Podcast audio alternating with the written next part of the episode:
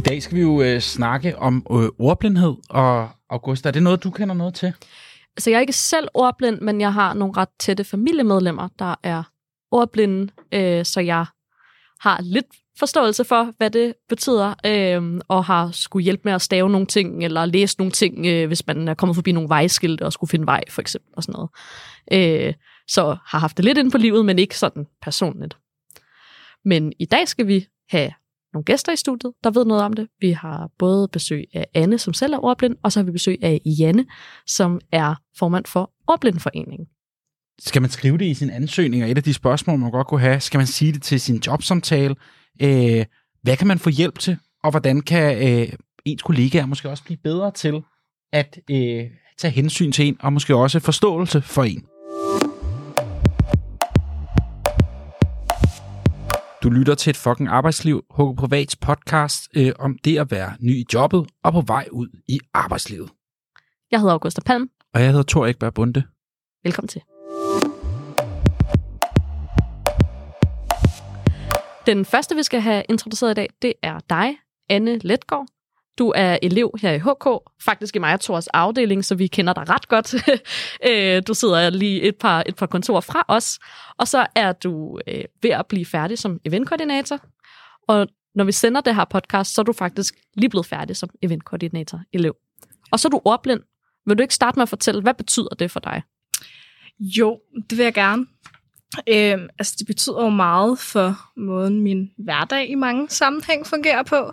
Øh, jeg har hjælpemidler på min computer, når jeg er på arbejde. Øh, ting, der kan hjælpe mig med at stave, når jeg skriver mails, eller få læst tekster op, hvis de er lange, og har brug for det. Øh, men det påvirker også min hverdag. Altså, jeg er også ordblind, når jeg er derhjemme. Nu sagde du selv det med vejskilte øh, tidligere. Veje, når jeg skal med bussen. Øh, hvis jeg skal finde krydderier i supermarkedet, jeg ikke plejer at købe så kan du lige pludselig tage mig 20 minutters tid at finde det her krydderi, fordi jeg ved ikke nødvendigvis, hvordan øh, det staves. Så det påvirker min hverdag sådan på mange måder. Altså, hvad kan det typisk være for dig, der er svært for dig? Det kan jo være lidt forskelligt, om man har sværest ved at læse eller skrive, eller hvad, hvad synes du, at du har svært ved? Øh, min, min test siger, at jeg har sværest ved at læse. Øh, men jeg mærker det faktisk selv oftest, når jeg staver. Fordi jeg har lært mig selv at gætte rigtig meget. Så det er min stavning, der tit er sværest. Og så nye ord. Øhm, men det, der påvirker mig mest i min måde at være ordblind på, er også, når jeg skal snakke. Hvis jeg ikke kan huske ord, eller det nye ord, jeg skal udtale, det har jeg rigtig svært ved.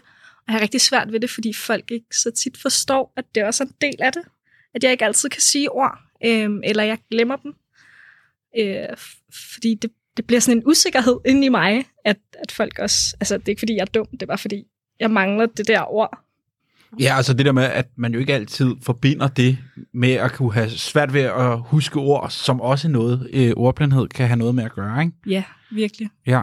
Nu fortalte Augusta også bare, at øh, du var eventkoordinator-elev. Vil du ja. måske ikke også bare lige sætte på på, hvad handler øh, den uddannelse om? Jo, det handler rigtig meget om at planlægge og udvikle, eller, ja, udvikle og udføre øh, forskellige øh, begivenheder. Her i huset har det meget været øh, ting for vores medlemmer, det har været øh, arrangementer, hvor de har skulle høre en oplægsholder fortælle om forskellige ting. Så hele planlægningsdelen af det, at gøre det klar og pille det ned og få det udført. Og har der så været nogle opgaver i forbindelse med det, der er ekstra svære, øh, når man er ordblind? Eller grænseoverskridende? Øh, nu har jeg jo været elev under corona, øh, og vi har haft rigtig mange online ting. Og lige præcis øh, med online ting arrangementer, hvor vi har oplægsholdere, der skal svare på spørgsmål. Så en af de opgaver, man også tit kan blive sat til som elev, er jo enten at øh, køre den her chat og svare på spørgsmål, folk skriver, eller læse dem højt. Og det siger jeg jo helst nej til, hvis jeg kan. Øh, fordi jeg synes, det er mega ubehageligt, at jeg skal stå i en situation, hvor jeg skal kunne sige dem på stående fod, eller læse de her spørgsmål op, eller skrive, uden at have de her hjælpemidler, der ligesom kan hjælpe mig i ryggen. Mm øh, fordi det er sådan lidt en usikkerhed, og ikke at sige det så godt. Så dem synes jeg, er, det, det er ikke en fed opgave at få, i hvert fald. Når du så bruger de her hjælpemidler, altså når det ikke lige er på, på stående fod, du skal stå for eksempel og læse chatspørgsmål, hvordan bruger man så de her hjælpemidler i sit arbejde? Øhm, jeg har en app på min computer, som jeg sætter til. Så åbner den, og så har den sådan en øh, ordbog i siden. Så når jeg skriver et ord, så kommer det frem med forslag til, at det er det her, du mener, så kan jeg køre den hen så kan den ligesom give mig et forslag øh, til et ord. Øh, jeg kan også ja, få den til at læse tekster op. Så jeg bruger den jo til øh, de tidspunkter, hvor jeg har behov for det. Når jeg, ja, oftest når jeg skriver mails, eller hvis jeg mangler sådan et dumt ord, jeg ikke lige kan huske.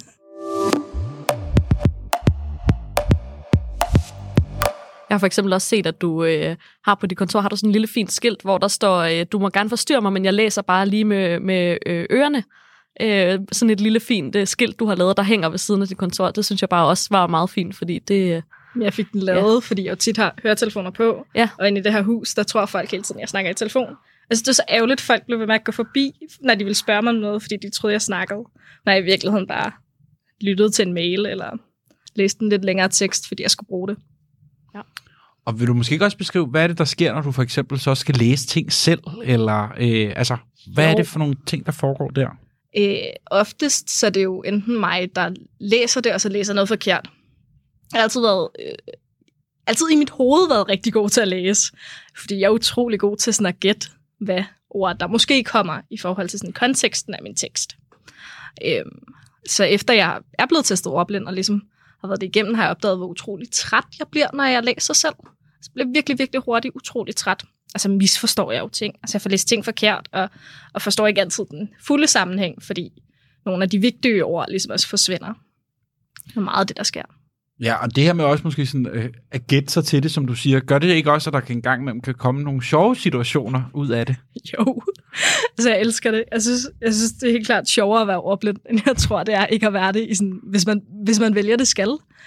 Øh, jeg kan altså, læse en tekst, den samme tekst, en milliard gange, og stadigvæk få noget andet ud af den end første gang, fordi så kan det være, at det der ord ikke lige blev det samme ord den her gang. Og sådan noget. Reklameskilte bliver også nogle gange øh, anderledes. Ja, har du nogle eksempler på det? Jeg havde øh, på et tidspunkt, da jeg skulle med toget hjem fra Fyn, tror jeg. Øh, og så kigger jeg ud af vinduet, og så står der, at de, øh, det, det var et firma, der lavede priser for Manchester. Altså, det var super mærkeligt, fordi altså, vi var på Fyn. øh, så jeg fik taget et billede af det og sendt det til mine venner, og var sådan, ah, gud, det er sjovt, det her. Og så var de sådan, altså, hvad snakker du om? Så er det, fordi de matchede øh, netpriser. Og øh, det tog mig lidt tid at indse det, men så havde vi det lidt sjovt med hinanden over det. Og sådan, sådan gør jeg tit. Hvis jeg har et eller andet, jeg, også fordi jeg ved tit, jeg læser det forkert, når det bliver sådan noget helt mærkeligt, så plejer jeg at sende billeder. Så har jeg nogle veninder, og vi hygger os rigtig meget med, at jeg læser forkert. At det gør det bare sjovt. Ja, og det er en kærlig og omsorgsfuld tone, formoder jeg også så i det Uden der, ikke? tvivl. Det, Ja. er det er jo mig selv, der joker med det, for det er ligesom ikke altid... Altså, jeg har det sådan, jeg synes ikke, min ordblindhed skal være nederen ting. Jeg kan lige så godt øh, have det sjovt over de ting af det, jeg synes er sjovt, at, at sådan have den positive aspekt af min ordblindhed, eller så bliver det super nederen, hvis jeg kun skal tænke over, at jeg er dårlig til ting. Så jeg tænker ofte over de ting, jeg er god til, og så laver sjov med de ting, der måske ikke går så godt altid. Vi skal også have præsenteret vores næste gæst i studiet. Det er dig, Janne Sabro, og du er formand for Ordblindeforeningen. Det er jeg. Og vil du ikke starte med at fortælle, sådan, hvor mange ordblinde er der egentlig i Danmark? Øh, man øh, siger, at der er cirka 7-9 procent ordblinde øh, børn og under, unge og voksne i Danmark. Øh, og når man er ordblind, så er det i det, der hedder, man er ordblind i det røde felt, så får man alle de hjælpemidler, som Anne lige har talt om.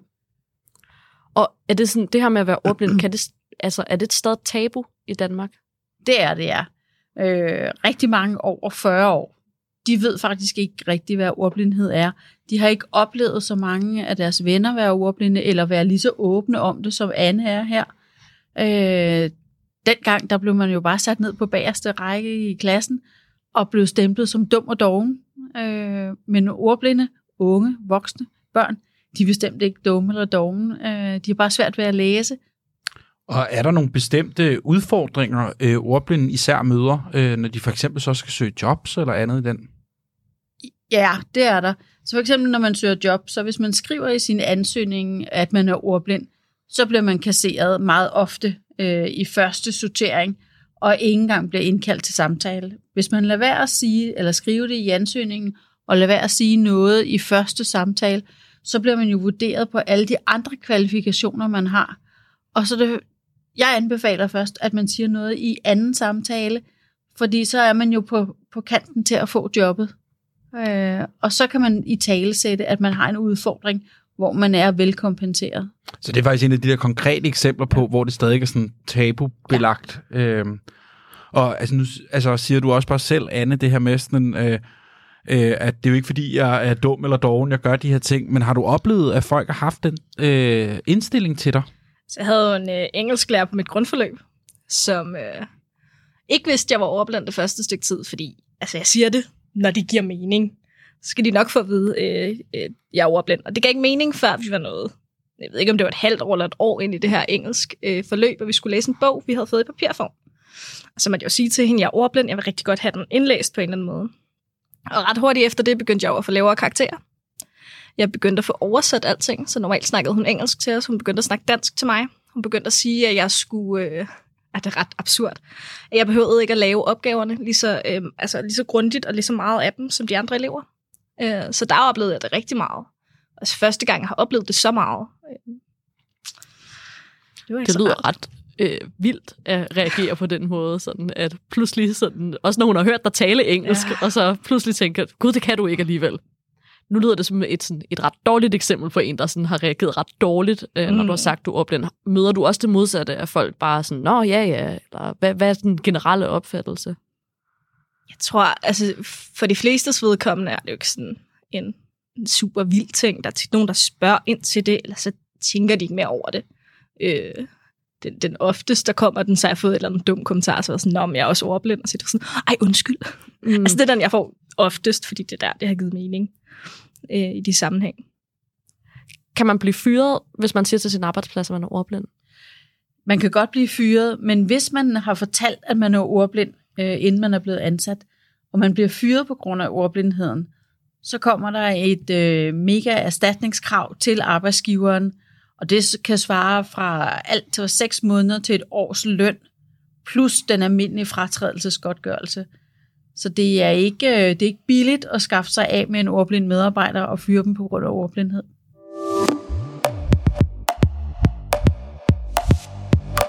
Nu fortalte Janne før det her med sådan, at, øh, at man også ofte råder til at ordblinde, at man ikke skal skrive det i sin øh, ansøgning, for eksempel. Da du selv skulle søge elevplads, skrev du det så i din ansøgning? Det gør jeg ikke. Da jeg skulle øh, søge, der havde jeg en støttelærer øh, på min skole, som hjalp mig med ligesom, at få skrevet de her øh, ansøgninger, så de gav mening, når de kom ud. Og der ville jeg faktisk godt have skrevet, at jeg var overblind, ikke for at skrive, hey, de her ting øh, øh fungerer ikke så godt, men ligesom først vide det her positive syn på overblindhed, at jeg er skide god til øh, rigtig mange tekniske ting, fordi det har jeg et behov for at skulle være. Øh, og få den vinklet, og der fik jeg meget pænt at vide, det skulle jeg lade være med, for så ville jeg ikke få job. Så jeg skrev det faktisk ikke, og havde det utrolig svært med det i en ret lang periode herinde fordi jeg så ikke kunne få fat i min skole, og jeg kunne få mine hjælpemidler, så jeg havde en periode herinde, hvor jeg ikke havde hjælpemidler, og der var ikke nogen, der vidste, at jeg var overblind.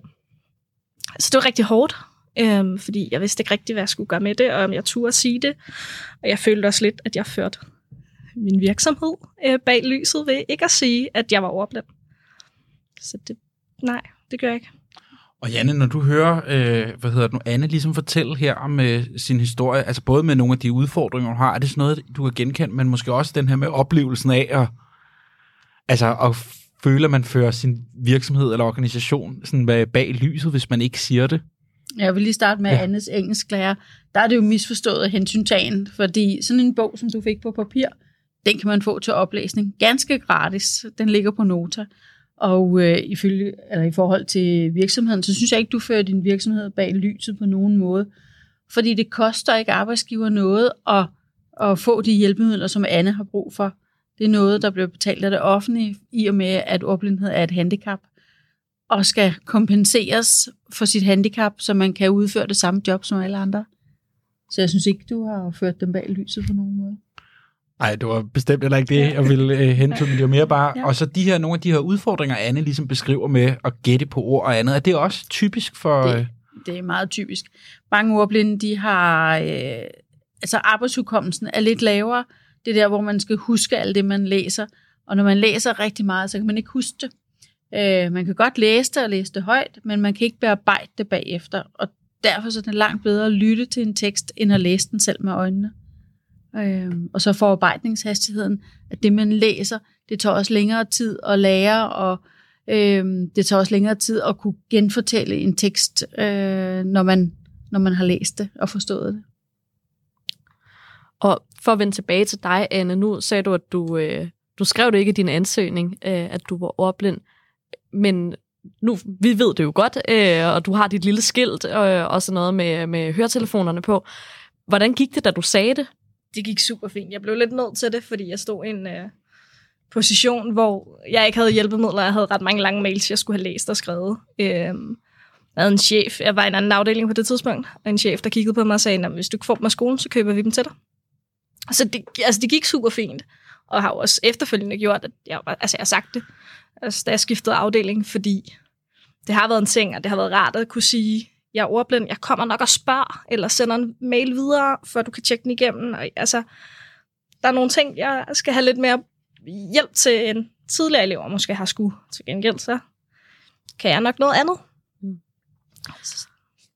Er det noget, du så kan genkende, Janne? Altså det her med, at, øh, at man skriver det måske ikke i sin ansøgning, men er det en god idé så at sige det, når man er på en arbejdsplads?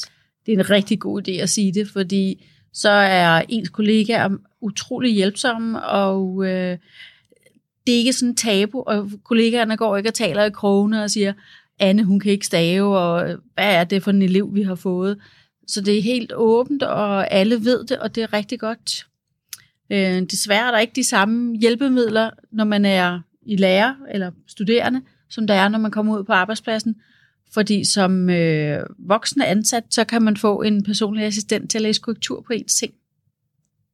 Og det gør jo, at det ikke er kollegaer, der behøver at læse korrektur på det, men man sender lige en mail videre til en, der er professionel korrekturlæser. Det hedder en øh, personlig assistent. Og det er også noget, der bliver betalt af det offentlige. Smart. Det vidste ja. jeg faktisk slet ikke. Nej, det kan jeg heller ikke overhovedet til. Nej, jeg heller ikke. Og hvad, hvad for nogle hjælpemidler kan man ellers få? Altså nu fortalte Anne det her med, at øh, du havde en app, hvor du ligesom kan, øh, kan, kan fortælle, og så skriver den ind i computeren, og computeren har en ordbog. Hvad findes der ellers af, af hjælpemidler, Janne? Jamen på telefonen findes der jo rigtig mange hjælpemidler. Hvis man står ude i det offentlige rum, så kan man have en app på telefonen, hvor man kan tage et billede af en tekst, og så i løbet af et splitsekund, så får man det læst højt. Øh, jeg har en på min telefon, der kan læse op på dansk og engelsk. Det bruger jeg rigtig meget. Og øh, alle står jo og får læst et eller andet op øh, alle mulige steder, så det er ikke øh, noget unaturligt at gøre det. Og så nævnte du også bare før noget, der hed Nota, hvor man kunne få læst bøger højt.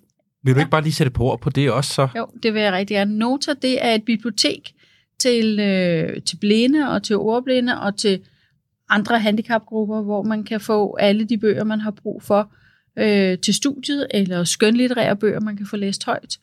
Og når man kan dokumentere, at man er ordblind, så får man gratis medlemskab til Nota.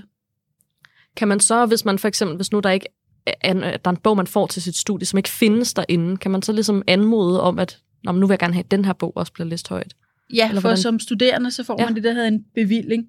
Det er øh, papirpenge. Det er bare et A4-ark, hvor der står, at man har x antal kroner til at få indscannet bøger. Og så når øh, lærerne kommer med pensumlisten, så kan man sige, åh, der mangler lige denne her. Så skriver man til noter, den bog vil man gerne have indscannet, og man skal bruge den øh, om tre uger. De er sådan 14 dage, tre uger om at scanne det ind. Det tager lidt tid. Men øh, så ligger de der også. Og så er det kun den første, der betaler for bogen. Det er ikke de efterfølgende. Altså man bygger faktisk biblioteket, kan man sige, endnu mere op fra gang til gang, så det er jo også måske bare en der klar opfordring til at ikke holde sig tilbage. Du beskrev det her med, at man kunne få øh, personlige assistenter på arbejdspladsen. Er der også hjælpemidler eller hjælp, man kan få personligt øh, som studerende? Øh, ja, det er der. Øh, når man er studerende, så kan man få det, der hedder studiestøtte. Det vil sige, at man kan få øh, cirka 40 timer per semester, og det svarer til to timer, to klokketimer om ugen, hvor man har en til en hjælp øh, fra en læsevejleder eller en faglærer på det studie, man går på, alt efter hvad man har behov for. Og man kan også få øh, en kombination af det. Så det giver øh, de unge et rigtig godt studieforløb. Hvis man i gymnasiet skal lave en fysikrapport, så hjælper det jo ikke noget. Det er en dansk lærer, der er med til at være øh, vejleder på den, for de ved de ikke noget om. Så er det godt at have fysiklærerne i baghånden. Det må ikke bruges til lektielæsning, for det forventes, at man som ordblind er på samme niveau som alle de andre. Men opbygningen og ordforrådet, det er det, man får hjælp til. Og Anne, du sidder og nikker helt vildt. Er det noget, du har oplevet, der har kunne hjælpe dig på dit studie? Jeg havde en, øh, en SPS-lærer, en støttelærer, øh, da jeg gik på... Jeg har faktisk også haft en på hovedforløbet, men især da jeg gik på grundforløbet, som jeg også har brugt rigtig meget. Nu tilfældigvis i matematik, fordi det var min svage side, men også rigtig meget, da jeg søgte øh, elevplads, for ligesom at, at sørge for, at det gav mening, det jeg skrev. Jeg tænker, for lige at øh, runde af med et sidste spørgsmål her, så kunne jeg godt tænke mig at høre jer begge to om, hvad kan man som kollega gøre for at hjælpe en ordblind kollega, når man er ude på arbejdspladsen? Vi starter med dig, Janne. Jamen, hvis man er i tvivl om en medarbejder eller en kollega er ordblind, så kan man spørge diskret.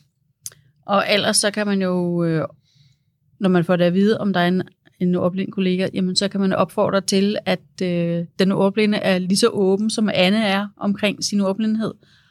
Og at det bliver en naturlig ting, at man hjælper, at en naturlig ting, at man øh, lige kan spørge om, hvordan et ord staves, eller lige at få omformuleret noget hvis man ikke lige har sin personlige assistent øh, til rådighed.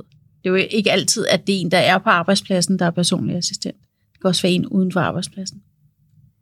Ja, og måske lidt samme spørgsmål til dig, Anne. Altså, hvad kan man gøre som den gode kollega øh, i din situation? Jamen, jeg er egentlig øh, overordnet meget enig. Jeg håber også, det generelt altså, er en ting, hvor man godt kan spørge, hey, hvordan staver man til det her? Altså for et reelt altså, svar, hvor der er en, der staver ordet til en, for alles vedkommende øh, i stedet for det der med at sige det langsommere eller stavelser, fordi det kan vi godt, altså det kan man godt selv, øh, uden det sådan skal lyde groft. Så, så den del, at det bare, altså et eller andet sted for alle bare naturligt, at det er okay at spørge om det her. Øh, og ja, hvis man ved, at man har en kollega, der er ordblind, mm, måske også lidt mere tålmodighed. Det er også, nogle gange kommer der fejl i øh, ens mails, eller der bliver sendt noget ud, der måske er en stavefejl i, at det er okay.